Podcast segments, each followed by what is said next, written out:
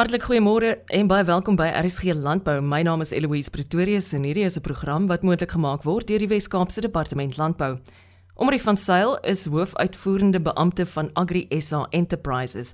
Hy was die voormalige hoof van Agri SA en is tans besig om die korporatiewe kant van Agri SA op te bou. Ek het hom uitgevra oor sy huidige landboutake in hand. Ja, Eloise, Agri Enterprises uh, is die aandeelhouer is uh, Agri SA en um, die behoefte in die landbousektor is om te fokus op die kommersiële geleenthede in die ware ketTINGS van die voedsel en vesel ware ketTINGS. So, jy weet, dis essensieel wat ons doen. So, ons het vier besigheidsafdelings. Die een is strategie afdeling waar ons kyk na korporatiewe strategieë, operasionele strategieë. Ons doen nie net werk in Suid-Afrika nie, maar ook in Afrika. Ons kyk na verkrygings en oornames, ons kyk na markpenetrasie strategieë, So dis 'n redelik interessante veld en jy weet persoonlik dis dit ook my agtergrond is strategiese ontwikkeling. Ek ek vind dit ons gelooflik interessant en stimulerend want want mens leer regtig baie van wat regtig gebeur binne in besighede, binne in die ware ketTINGS en ook natuurlik markte, markontwikkeling en al die uitdagings waarmee gepaard gepaard gaan. Dan het ons 'n operasionele en finansieringsafdeling waar ons uh, besig is om 'n impakfonds te loods waar ons kyk na vennootskappe tussen tradisionele leiers en en boere. So ons is besig daarmee en dan kyk ons ook na ander finansieringsgeleenthede in die ware ketting. So ons het in daai afdeling bankiers, prokureurs, jy weet CA's, boere, wat ook al die aard van die van die spesialist rigting is, kry ons dan in. Dan het ons ook 'n opleidings en 'n mensekapitaal besigheid waar ons ontwikkeling en opleiding doen reg oor Suid-Afrika vir uh, opkomende boere. Letterlik, ons het vier vlakke van opleiding. Die een is basiese opleiding, jy weet hoe raai jy 'n trekkerband om, hoe skeer jy 'n skaap tot 'n tipe van 'n baie hoë vlak uh, soos 'n miniatuur MBA wat ons doen wat uh, wat landbou spesifiek en landbou gerig is. So dit is dit is wat ons doen daar. Nou dit is ook 'n navorsingsafdeling. Ons ons doen baie navorsing op die oomblik. Kyk ons baie na soos insette binne die chemiese industrie van kunsmis tot glifosaat. Die uitdagings wat dit inhou vir die landboubedryf, hier die pryseskalasie wat ons al klaar sien, die tekort aan voorraad wat ons definitief volgende jaar gaan sien, die impak wat dit gaan hê op produsente en die ware ketting. En dan binne die binne in daai afdeling kyk ons ook byvoorbeeld na goed soos die finansieringsbehoeftes in die sektor, die probleme wat die landbank het, die likwiditeit wat ons gaan sien binnekort in die in die sektor as gevolg van die landbank en vanselfsprekend dan die geleenthede wat daarmee gepaard gaan rondom finansiering. So dis dis essensieel wat is die die die die vier goed waarop ons konsentreer. As jy praat oor 'n tekort aan invoere, kan ek jou vra om vir my verder daaroor kommentaar te lewer, Omri? Ja, daar's daar's dit, daar's al reeds 'n tekort as gevolg van COVID en en die, die skeepsware ketTINGS en die ek dink die monopolie wat China tot 'n groot mate op die chemiese industrie het sien ons al reeds stygings in pryse van kunsmis en glifosaat en ek ons voorsien dat dit dat dit erger gaan raak in volgende jaar tot die mate dat daar jy weet moontlike tekort sal wees daar. Ja, dit het 'n redelike groot impak op al die bedrywe, jy weet tuinbou en uh agronomie wat glifosaat of enige vorm van landbouchemie chemikalieë gebruik wat wat van China afkom. En dis ongelukkig die ware ketting van swaar dat jy dit nie net maklik kan kan regmaak nie. Dit is letterlik 'n probleem van jy weet Amerika, China, die voorsiening van hierdie produkte, die verskuiwing van jy weet eh, die containers waar dit in die wêreld opgehoop is ensovoorts. So dis eintlik 'n groot logistieke dilemma wat ons het. En dit gepaard gaan met die goed wat in Natal gebeur het, UPL aanleg wat skadig is, al sulke goed het 'n redelike groot impak op die hele ware ketting. Kan 'n mens iets doen om voorkomend te wees om dit moontlik die hoof te bied? Is ongelooflik moeilik want jy het nie regtig soveel beheer daaroor nie, jy weet ek meen in in ons navorsing het ons ook agtergekom dat jy weet die container probleem in die wêreld is een van die grootste probleme. En wat gebeur het in COVID is van die groter ekonomie prioriteit gekry. So daar's nie regtig iets wat jy doen om dit voorkomend te probeer bestuur nie. want jy het net soveel beheer oor die waardeketting. Wat jy wel kan doen is om te probeer om dit te mitigeer op op 'n mate. Jy weet en en ek meen dis alles dis goeder soos prysvasstelling en al sulke goed wat nou in gedrang is. Ehm um, en dit jy weet dit word natuurlik vererger met die landbank se probleme wat ek dink omtrent so ek moet skat seker 'n 20 miljard rand probleem is.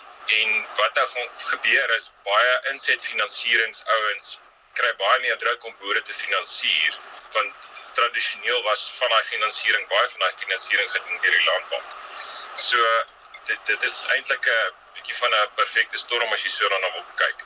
Kom ons rig ons oë na 2022. Wat is van die dinge binne die raamwerk van wat jy nou genoem het jou veral interesseer en waarmee jy besig op 'n dag tot dag basis waarna jy regtig regtig na uitsien? Ek dink die jy weet baie van die van die, die sektore waar binne ons werk is ongelooflik dinamies. Mense besef dit tot jy regtig verstaan wat hulle doen nie.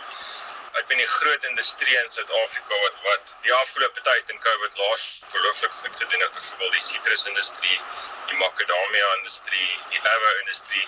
Jy weet die sogenaamde power foods raak al hoe meer en meer internasionaal in aanvraag met COVID. Mense kyk beter na hulle gesondheid, mense drink baie meer vitamiene en so aan. So dis 'n baie interessante uh, jy weet in 'n baie dinamiese industrie. Die toegang tot jy weet ekonomie byvoorbeeld Amerika wat nog nie tot die mate gebeur het wat dit kan gebeur.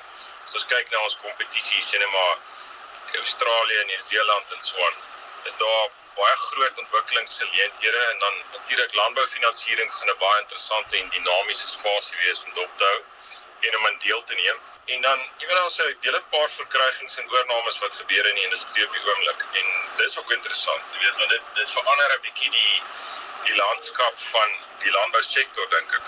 En uh ja, kyk dit dis die goeders en ek dink wat my ook baie opgewonde maak is die die mense kapitaalontwikkelings wat ons doen. Jy weet, die kern sukses van baie omtrent elke ekonomie is 'n is 'n is 'n kennisekonomie. In Engels noem hulle dit 'n knowledge economy. En um, dis vir ons baie opwindend om deel te vorm in die ontwikkeling van 'n kennisekonomie in landbou en die voedsel en veselwareketting. En die ander ding wat ook vir my ongelooflik interessant is as jy kyk in die wareketting af, jy weet hoe dit werk in terme van prosesering, in terme van uitvoere, in terme van markontwikkeling dis baie interessant en dis eintlik 'n baie dinamiese weet industrie en wat my opgewonde maak is dis dis so divers jy weet jy leer elke dag iets nuuts. En en ek dink dis dis wat ek geniet van wat ek nou doen is is, is die die leerkurwe en die goeders wat ek nou mee besig is is, is ongelooflik stimulerend. En dit gee my nogals hoop as jy sien wat mense en wat maatskappye doen en hoe ouens dink oor die toekoms en dis regtig nogals ons het 'n baie baie dinamiese en en baie progressiewe landbou sektor in in daai opsig. En dan natuurlik uh, landboutegnologie. Dit is uh, dis die ander ding. Daar's baie groot aptyd internasionaal vir landboutegnologie en ehm um, tegnologiese tipe van goed wat die jy weet landbou beter kan maak en presisie boerdery beter kan maak en basies die gaping kan vul tussen die tradisionele landboubedryf en die toekomstige landboubedryf. Want ek en as jy nou dink aan die hele ware ketting ek weet in die afgelope 2 jaar het het Shoprite Checkers se uh, se afleweringsdiens uh, tot staan gekom. Weet binne 60 minute Pick n Pay het ook nou een Woolworths het ook een. En dis die tipe van digitale soort van spelers wat begin om die voedsel en die die veselware ketting as dit waar te veroeber, as jy dit so wil stel. Dit is uh, van ons sprekend, jy weet, ons in die kommersiële kant van landbou. Ons is ehm um, AgriSA is in die beleidskant en dis 'n uh, eh, eintlik 'n ongelooflike spasie om in te speel en en om regtig te werk met dinamiese maatskappye en mense is, is vir my ongelooflik stimulerend. So ek dink dis maar die dis maar net wat ek nog wou byvoeg. Omri van Sail is hoofuitvoerende beampte van AgriSA Enterprises. Sirkulêre agronomie in tandem met hedendaagse tegnologie is 'n wonderlike landbouonderwerp. Dr Albert Strever werk vir die fakulteit landbouwetenskappe by die Universiteit Stellenbosch en hy stem gewis hiermee saam. Ja, absoluut, Eloise. Weet jy, ek wil dit koppel ook aan die aan die tegnologie waarvan ek so baie praat en ek is so gewoond om aan die tegnologie of oor die tegnologie te praat, maar baie in die kringe waarin ek nou beweeg, praat ons baie oor voedselsekuriteit. Ons praat baie oor waardeketings reg oor die landbou vanaf die produksiekant tot by die by die eh, verbruiker. En 'n en 'n gesprek wat baie begin opkom is die idee van 'n sirkulêre uh, agronomie of of eintlik 'n 'n sirkel uh, ketting in die landbou waar ons baie keer kyk ons mos ons ons het nou produksie en dan het ons die verwerking en dan het ons die waardeketting van prosesering en dan kom ons by die by die uiteindelik by die kliënt of by die persoon wat dit moet verbruik, die die verbruiker uit, die customer soos hulle sê of die die persoon wat ons uh, ons produkte geniet in die wynindustrie natuurlik die wyne. Maar baie keer kyk ons nie na na die na die sirkulêre agronomie of die sirkulêre ekonomie in die landbou nie en ek dink dit is iets wat ons nou moet na kyk. En dit gaan daaroor dat ons weer teruggaan met hierdie siklus. Ons gaan kyk na die uh, afvalstowwe wat ons produseer, die verskillende goed wat ons in landbou gebruik, die verskillende stowwe om om hierdie produksie suksesvol te maak. Daar's baie gesprekke rondom die chemiese middels wat ons gebruik veral vir onkruidbeheer en en dis ook hoe hierdie pad met die met die gebruik van skape ook um, tot op die voorfront gekom het in die laaste paar jaar. Um, ek was deel ook hier vroeër die jaar was daar 'n webinar reeks ook deur Elsenburg Landbou aangebied oor die ehm um, sirkulêre agronomie en en hoe jy skape en een van die sprekers daar het skape, hoenders, eende, enigiets in die wingerd al begin gebruik ook om om om te kyk of ons nie die chemiese hantering van van onkruid ook 'n bietjie uit die uit die siklus kan kry nie. Maar dit dit kom met uitdagings en ek dink ek gaan so 'n bietjie tegnologie later probeer integreer en kyk of ons nie dalk 'n oplossing uit tegnologie kan kry vir hierdie probleme nie, maar jy kan nie net skape in 'n wingerd injaag en dink dat hulle gaan die wingerd nou hulle gaan die wingerd nou oppas en glad nie aan die blare eet nie en ook nie aan die trosse eet nie. So daar's 'n klomp ouens in Australië en in Amerika wat dit wel doen en wat uh redelik sukses het en wat groot hoeveelhede skape injaag in wingerd in soveel as 500 of 1000 skape op van die groter landgoedere. Maar daar's nog al 'n proses wat jy moet volg. Daar's nog al 'n bietjie wat jy moet ehm um, seker maak dat jy dat jy nie dat jy beheer het oor die proses. En een van die eerste goed wat mense vir my gesê het is wat van kompaksie. 'n Skaap het 'n het 'n klein hoef, maar is 'n redelike swaar dier relatief tot daai hoefvoetspoor en wat wat gaan gebeur in 'n wingerd as jy die skape injaag? En die bekommernis was altyd oor kompaksie en ek moet sê uit my persoonlike ondervinding jy jy jaag mos nou juist 'n skaap in waar daar onkruid issues is of waar daar baie uh groei is in die in, op op die uh grond van die lowers of van die van die wingerde.